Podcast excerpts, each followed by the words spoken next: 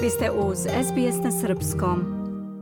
Razgovaramo sa Nemanjom Nenadićem, e, trenerom ženske omladinske škole košarkaškog kluba Crvena zvezda u Beogradu. Nemanja, dobar dan. Dobar dan. E, recite nam nešto o, o radu u košarkaškom klubu Crvena zvezda, specifično u ženskom omladinskom pogonu za koji ste vi zaduženi.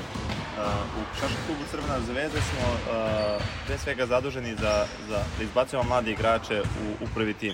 Nama je pola prvog tima, da kažemo, juniorska kadetska ekipa i imamo već dosta godina uspeha u, u osvajanju nacionalnih prvenstava. Uh, trudimo se da, da ceo sistem igra isto, od, počeš od uh, seniorki, juniorki, kadetkinja, pionirki, mlađih pionirki, s tim što se naravno ovaj, njihove uh, sposobnosti uh, ovaj, primenju njihovim uzrastu. Uh, prošle godine smo osvojili sve uzrasne kategorijama, bili smo prvi u svim uzrasnim kategorijama, ove godine smo to ponovili.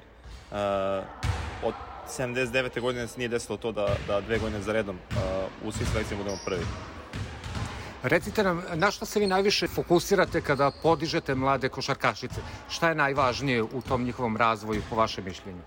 Pa po našem mišljenju to najvažnije da, da uh, stvaramo dobre ljude, pa onda dobre košarkaše. Znači, da budu dobri i u školi, a da ujedno budu dobri i, i na terenu. Uh, trudimo se što više da ih u mlađim kategorijama uh, obučimo košarkaški, da, da što bolje znaju košarku, a tek onda kasnije nadogradnja taktike i svega ostalog.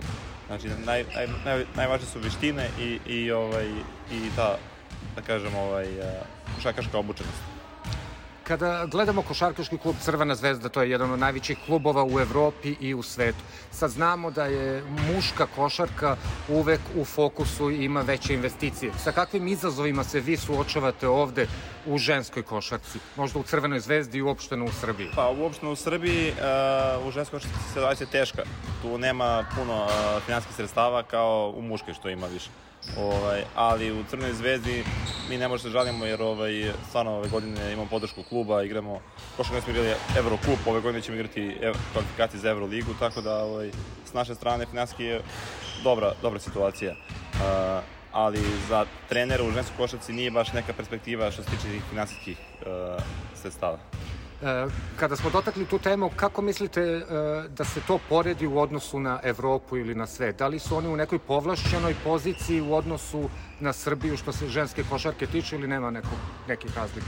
Pa što se klubske košarke tiče, tu su, tu su sigurno povlašćeni, imamo tu velike sisteme kao što je Barcelona, ne znam, uh, Rusija, tamo Nadežda, Dinamo Kurski, tako oni imaju preozbiljne budžete u odnosu na nas naši budžeti su smešni, ali mi tu imamo mladi igrače s kojima mi pokušavamo da pariramo tim velikim timovima. Prošle godine smo parirali Valenciji koja je bila aktivna osvajača Eurokupa sa mnogo, mnogo manjim budžetom. Tako da to je neki uspeh za nas da, da ovaj, mi kao mali igramo protiv tih uh, velikih ljudi. I uprako svemu kažete vi ka, mi kao mali, ali opet postižete takve uspehe, izlaze veliki igrači. Kako je to sve moguće? Pa ne znam, to, to je neka uh, uh, mukotrpan rad, entuzijazam, ljubav prema košarci, Uh, ti igrači kad dođu na trening, kad vidimo da oni hoće da, da rade i mi imamo još veću želju da radimo sa njima i onda ovaj, uh, uvijek izbacimo eto kao jedno što je bila Sonja Petrović uh, i ostale devojke koje su bile najbolje u Evropi kasnije mislim bile drugi u, treći u Riju. U svakom slučaju, rekli ste, maltene ste sve osvojili, ispisali ste novu stranicu istorije, znači iz ove generacije nove koju sada trenirate možemo da očekujemo neke reprezentativke u narednim godinama u Srbiji. To sigurno, to sigurno. Nemanja, hvala vam o, za SBS radio iz Beograda, Zoran Subić. Razgovarali smo sa Nemanjom Nenadićem, trenerom e, u Crvenoj zvezdi, omladinskoj školi košarkaškog kluba, ženskog kluba. Nemanja, hvala vam. Hvala i vama. Želite da čujete još priča poput ove? Slušajte nas na Apple Podcast, Google Podcast, Spotify ili odakle god slušate podcast.